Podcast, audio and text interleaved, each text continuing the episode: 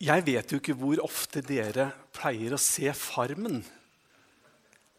Jeg har ennå ikke fått med meg en episode, men jeg har hørt at det skal være veldig bra. Men Kanskje jeg har en dårlig omgangskrets som antyder det. Men jeg vet ikke. Men derimot, Farmen Thor, han har jeg hørt litt om. Han ble innsatt som prest i Salhus. Dette er en sånn bilde nærmest fra kirken.no, som 27. oktober fortalte at farmen Thor var innsatt som prest i Salhus der ved Bergen. Og eh, Han har jeg fått med meg noen intervjuer med eh, nå i høst. Og han fremstår jo som en eh, utrolig frimodig og flott fyr. Står fram med verdier som jeg tror vi alle ønsker å på mange måter identifisere oss med. Og så var han av alle personer så var han på nyhetssendinga i går. Så satt han der i presserunden på TV 2. Og der ble han intervjua. Og eh, bakgrunnen for at han var invitert inn, det var jo naturligvis den situasjonen som landet vårt på mange måter er i, med tanke på det store leirskredet. At eh, så mange mennesker har omkommet, og enda så mange er savna. Og så var han som prest invitert inn i studio og fikk en del spørsmål om bl.a. hva sier man når man som prest skal være med og trøste og, og si noe i sånne vonde situasjoner. Og Jeg syns han svarte så flott. Ung prest, reflekterte holdninger og sier at nei, men der er det jo ikke noe fasitsvar. Vi må, vi må lytte inn litt grann hva de pårørende ønsker å snakke om. Og, og så må vi liksom ta det litt fra, fra der. Og så sa far Tor Så sa han noe som jeg tenkte jeg skulle sitere nøyaktig. For han sa hvis de bærer håpet om troen på Gud, så er det flott å kunne be i lag og ha håpet der òg. Det sa han. Og, og, og, når jeg hørte den setningen, så syns jeg, jeg synes det var så fint sagt. Og det er noe med å kunne be sammen i vanskelige tider. Og så er det noe med å ha et håp. Et håp som er der når vi mennesker ofte kanskje ville sagt at det er håpløst. Og det er jo et ord som vi egentlig, egentlig ikke burde bruke. Håpløst. Hva slags ord er det? Vi får lov til å tro på et håp. Vi får lov til å tro at ja visst, når Jesus er oppstanden, ja, sannelig oppstanden da, da, I den sammenhengen så går det ikke an å snakke om noe håpløst. Han er jo oppstanden. Han har overvunnet alt. Paulus han ber en bønn som har med håp å gjøre. Og, og den bønnen den, den, må vi ta se på sammen fra Rombrevet kapittel 15, vers 13. Må håpets Gud fylle dere med all glede og fred i troen, så dere kan bli rike på håp ved Den hellige ånds kraft. For en bønn! Og, og, og Paulus han skriver dette, og han formidler det til menigheten i Rom, som han jo ikke kjente spesielt. Han hadde jo ikke vært der, han hadde ikke vært med å grunnlegge menigheten. Menigheten hadde gått gjennom forskjellige ting, og det var vanskelige tider, og det skulle bli enda verre. Men så skriver da Paulus om dette håpet, og han uttrykker det sånn som dette. Jeg skal si mer knytta direkte til det bibelordet. Men, men, la meg først si litt om hva håp ikke er. Og, og, og hvor viktig det er for oss å ha vårt håp fundamentert hos Jesus. For håpet det er jo det viktigste på mange måter som gir oss kraft til å til å fortsette og til å være innvidd og i tro og hvile. Det verste som jeg tror vi kan si til et menneske, det er at du er håpløs. Det er mange barn som kan ha hørt det. Sagt i litt raseri og litt oppgitthet. 'Å, du er helt håpløs.' Og, og, eh, når det blir sagt, så menes det ikke alltid så vondt. Men, men jeg tror jeg har møtt mennesker som har båret på byrder knytta til at noen har sagt at du er håpløs. For at håp og menneskeverd knyttes jo sammen. Du vet ja, eh, nei, Jobb han skriver noe i kapittel 17 i Jobbs bok. Jeg skal sitere det for deg, for Der skriver han i vers 1.: Min livskraft er brutt, mine dager tar ende, bare graven gjenstår. Da er han langt nede, og så fortsetter han i vers 13. Hva har jeg å håpe på? Hva har jeg å håpe på? Dødsriket er min bolig. I mørket rer jeg min seng. Og så, og så, går han mot avslutningen i vers 15 og 16 avslutningen av det kapitlet. Hvor er mitt håp? Hvem kan vel få øye på det? Og så i det siste verset går også håpet til dødsriket. Stiger vi sammen ned i støvet? Dette er fra en litt sånn deprimert periode i Jobbs liv. Og det, det skjønner vi jo når vi hører disse sitatene.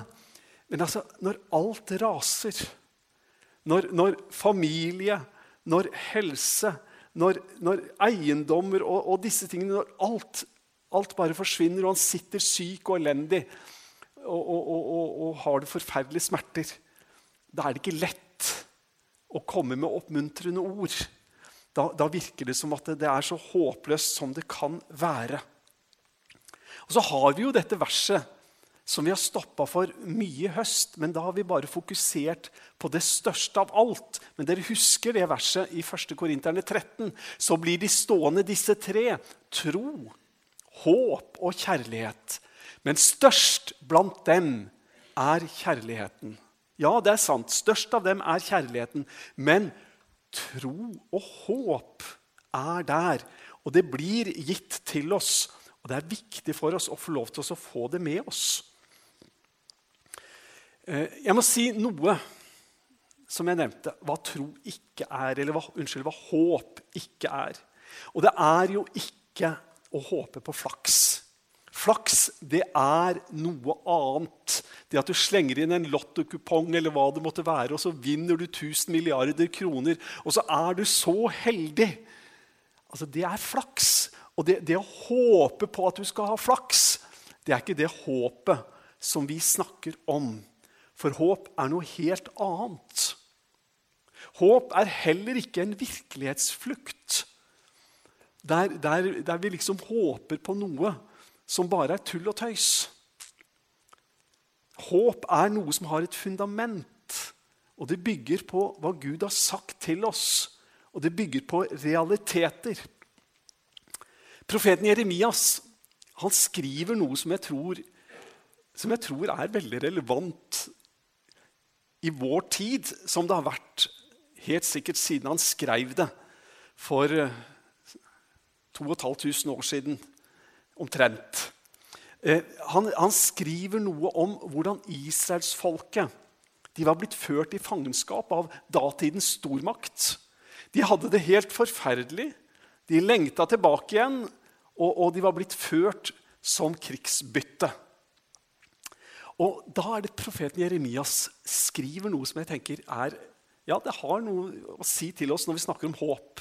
Han sier, 'La dere ikke narre av profetene og spåmennene som er hos dere,' 'og hør ikke på drømmene dere, dere drømmer.' Det er jo litt av en uh, setning. La dere ikke narre. Tro ikke på disse som profeterer. Og så fortsetter han. For de profeterer løgn for dere i mitt navn. 'Jeg har ikke sendt dem', sier Herren. Så sier Herren, når 70 år er gått for eh, når 70 år er gått for Babel, skal jeg se til dere. Da skal jeg oppfylle mine gode løfter for dere og føre dere tilbake til dette stedet. Så mens de andre forkynte et slags håp om at nå blir det fint i morgen, så kom faktisk Guds ord gjennom profeten Jeremias og sa nei, det er bare tull og tøys. Det skal gå 70 år før tida er inne, før dere skal vende tilbake igjen. Så håp, det er ikke å dikte opp eventyr som ikke er sant. Bare for at det høres flott og fint ut, så er det ikke nødvendigvis det Gud har sagt. Så håp er noe annet enn det. Og så, etter at eh, Jeremias har sagt dette som jeg siterte, så kommer han i vers 11. Og da taler han om håp. For da står det sånn i vers 11.: For jeg vet hvilken tanker jeg har med dere, sier Herren. Fredstanker og ikke ulykkestanker. Jeg vil gi dere framtid og håp. Og Det verset kommer umiddelbart etter dette oppgjøret med falske profetier og, og en drømmeverden som ikke er sann. Altså, Det å ha et håp, det betyr at vi kan gå gjennom prøvelser uten å fornekte realitetene. Det betyr at vi har et håp som ikke lar seg knekke ved at eh, ting er vanskelige og prøvsomme og tunge og smertefulle. For Gud han vet hva slags tanker han har med oss. Jeg vil gi dere framtid og håp.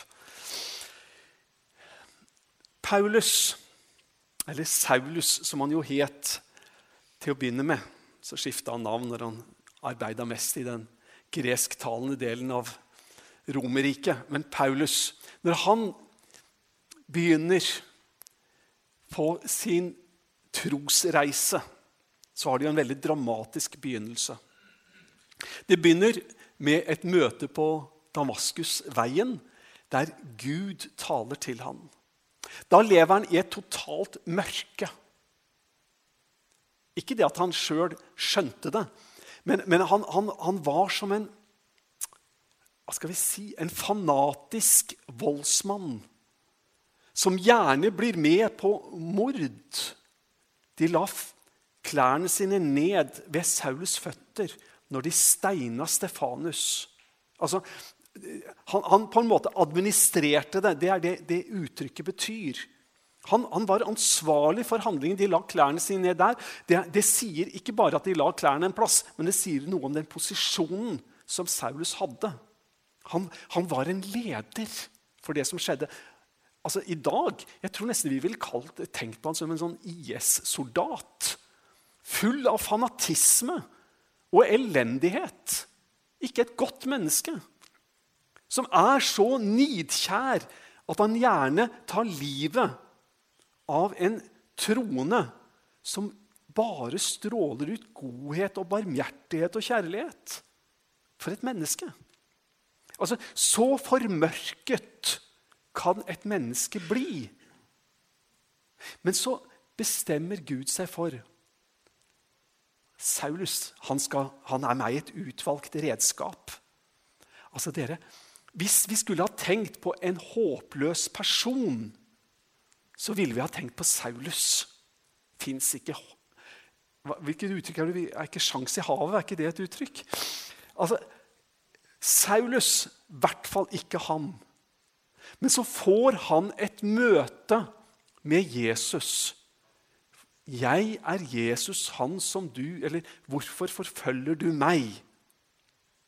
Og så forandrer han helt syn. Altså, han, han blir en helt annen person. Ja, det er vel ikke helt riktig. Han får en helt annen retning. Men det er fremdeles Saulus. Det er den nære nidkjærheten, ja. Men det får et helt annet utgangspunkt. Og det får et helt annet fundament. Og det blir ikke lenger vold, men det blir kjærlighet og godhet som man stråler ut. Det er et håp for alle mennesker. Det er ingen som er håpløse. Og Paulus han forteller om denne fortellingen. Det kan vi lese om ja, faktisk flere plasser. Men i Apostelens gjerninger kapittel 26 så forteller Paulus om dette til kong Agrippa. Og da bruker han disse ordene. Vi falt alle til jorden, og jeg hørte en stemme som sa til meg på hebraisk.: Saul, Saul, hvorfor forfølger du meg? Det blir hardt for deg å stampe mot brodden. Jeg snakker om håp. Jesus Det er jo i seg selv interessant. Dette er Jesus som taler. Ikke sant? hvorfor forfølger du meg? Jesus siterer et gammelt gresk ordtak. Og Det er jo interessant i seg selv. For, for, for dette med, at, med, å stampe mot brodden det, det er et kjent eh, ordtak som, som ja, Jeg vet jo ikke om han siterte det, men i alle fall, det var et ordtak før det ble brukt i denne sammenhengen. Og det er det samme uttrykket som Paulus bruker i filippenserne. Det skal du høre. For i Filippenseren kapittel 3 der skriver Paulus Jeg mener ikke at jeg alt har nådd dette, eller at alt er, fullkommen, alt er fullkommen, men jeg jager fram mot det for å gripe det, fordi jeg selv er grepet av Kristus Jesus. Og Da bruker han dette uttrykket 'grepet' som er det samme ordet som er liksom at det, å, å, å, å, stå imot brodden. Det er et uttrykk som går på at ja, vi har grepet Jesus, men i bunn og grunn det er jo han som har grepet oss. Det er han som har tatt tak i oss, det er han som holder oss til seg. Og vi, ja, vi gjør det, vi også. Men, men vi får lov til å oppleve at eh, det er Guds verk og da blir det jo håp for alle mennesker når det er Gud som har tatt oss. Når det er Gud som har tatt oss inn til seg. Da har vi håp om at nei, det er ingen som kan rive oss ut av hans hånd. Det er ingen som kan skille oss fra hans kjærlighet. Vi har et håp, et framtidshåp, som er bygd på et fundament som ikke er bare ønsketenkning. Og håp er ofte knytta til ønsketenkning. At jeg ønsker det eller det skal skje, så det håper jeg på. Men vårt håp er noe helt annet enn ønsketenkning. Og dere, Jeg tror vi har lov til å ta imot det som Paulus skriver i Romerne kapittel 15. Den teksten som vi begynte med. Når Paulus sier 'Må håpets Gud fylle dere med all glede og fred i troen', så dere kan bli rike på håp ved Den hellige ånds kraft. Tenk hvilket bibelord som det er. Gud fyller oss med glede og fred i troen. Kan du ikke bare se på dette bibelordet? Prøv, prøv å tenke hva, hva, Paulus vil formidle til oss gjennom dette. La meg lese det en gang til. Må håpets Gud fylle dere med all glede og fred i troen. Altså Det er Paulus' bønn for leserne i menigheten i Rom. Må håpets Gud fylle dere med all glede og fred i troen. Og som et resultat av det, da, så dere kan bli rike på håp ved Den hellige ånds kraft. For en bønn! Dette ber Paulus om for menigheten i Rom. Og jeg tror det er på mange måter en bønn som vi kan be. Og når jeg har sittet og arbeida med disse tekstene, så, så, har jeg lest den bønnen. Og så har jeg tenkt på noen mennesker som står meg nær. Jeg har tenkt litt videre og generelt. Og nå hadde jeg tenkt å utfordre deg og meg til at vi skulle be sammen. Kanskje du har noen som du tenker på, som du på en måte ønsker å inkludere på en spesiell måte når du ber, hvis du har lyst til å be sammen med meg. Eh, noen som, som du vet kanskje trenger på en spesiell måte både litt oppmuntring og hjelp. og Kanskje noen som ikke har det lett. Noen som er Ja, det kan være så mange forskjellige ting. Så tenkte jeg at jeg kunne invitere oss til å be sammen, og at vi ber med en stemme. Og av og til når jeg prøver å oppmuntre folk til å be, så jeg, sier jeg av og til at du trenger ikke be så høyt, men du kan be så høyt at du hører din egen stemme. Det, det er fint, men om du ikke er komfortabel med det, så trenger du slett ikke det. Men, men, nå hadde jeg lyst til at vi skulle be den bønnen sammen. hver eneste en av oss. Så ber vi sammen i Jesu navn. Be sammen med meg. Må håpets Gud fylle dere med all glede og fred i troen, så dere kan bli rike på håp ved Den hellige ånds kraft. Og nå hadde jeg lyst til å invitere deg.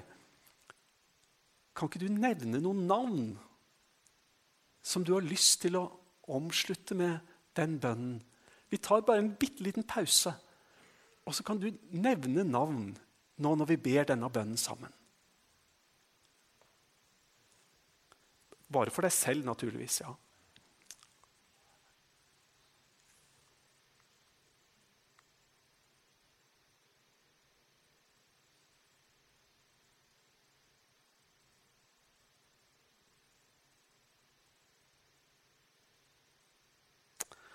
Åh. Jeg tror vi kunne holdt på veldig lenge. Men du kan ta med deg bibelordet. Du kan be den igjen, og du kan be den for andre. Kan vi ikke be den en gang til sammen høyt? Må håpets Gud fylle dere med all glede og fred i troen, så dere kan bli rike på håp ved Den hellige ånds kraft. Men dere, vi får lov til å forandre litt på den bønnen. Og jeg har lyst til å invitere deg til å være med og be den en gang til. Men da med en litt annen tekst. Da blir det sånn som dette. Vær med og be. Må håpets Gud fylle meg med all glede og fred i troen, så jeg kan bli rik på håp ved Den hellige ånds kraft. I Jesu navn. Vi lengter etter det, vi ønsker det, vi trenger det. Vi vil så gjerne at Den hellige ånd skal fylle oss og prege oss. Og vi vet at den Gud som kaller Saulus på Damaskus' vei og gir han en sånn fullstendig ny livskurs fordi Gud griper inn Vårt håp er til Han. Han som ikke ser på meg eller ikke på noen av oss og sier at du er håpløs. Langt ifra. Det har Jesus aldri sagt over et eneste menneske. Aldri. Han som har all makt i himmel og på jord. Det fins ikke noe som er håpløst. Han kommer, og så får han lov til å gi oss av sin fred, av sin kjærlighet, av sin kraft. Og så blir livene våre holdt oppe ved at Den hellige ånd virker i oss og gir oss et håp og en tro og en fred. Ja, også glede. Gleden i Gud, som er vår styrke som ikke er knytta til at alt er bare 100 og at alt er bare flott og fint. Som ikke er knytta til at alle mulige håpefulle tanker og ideer skal bli sånn som vi skulle ønske, men som har sitt fundament i det Gud har gjort. I Jesu navn. Amen.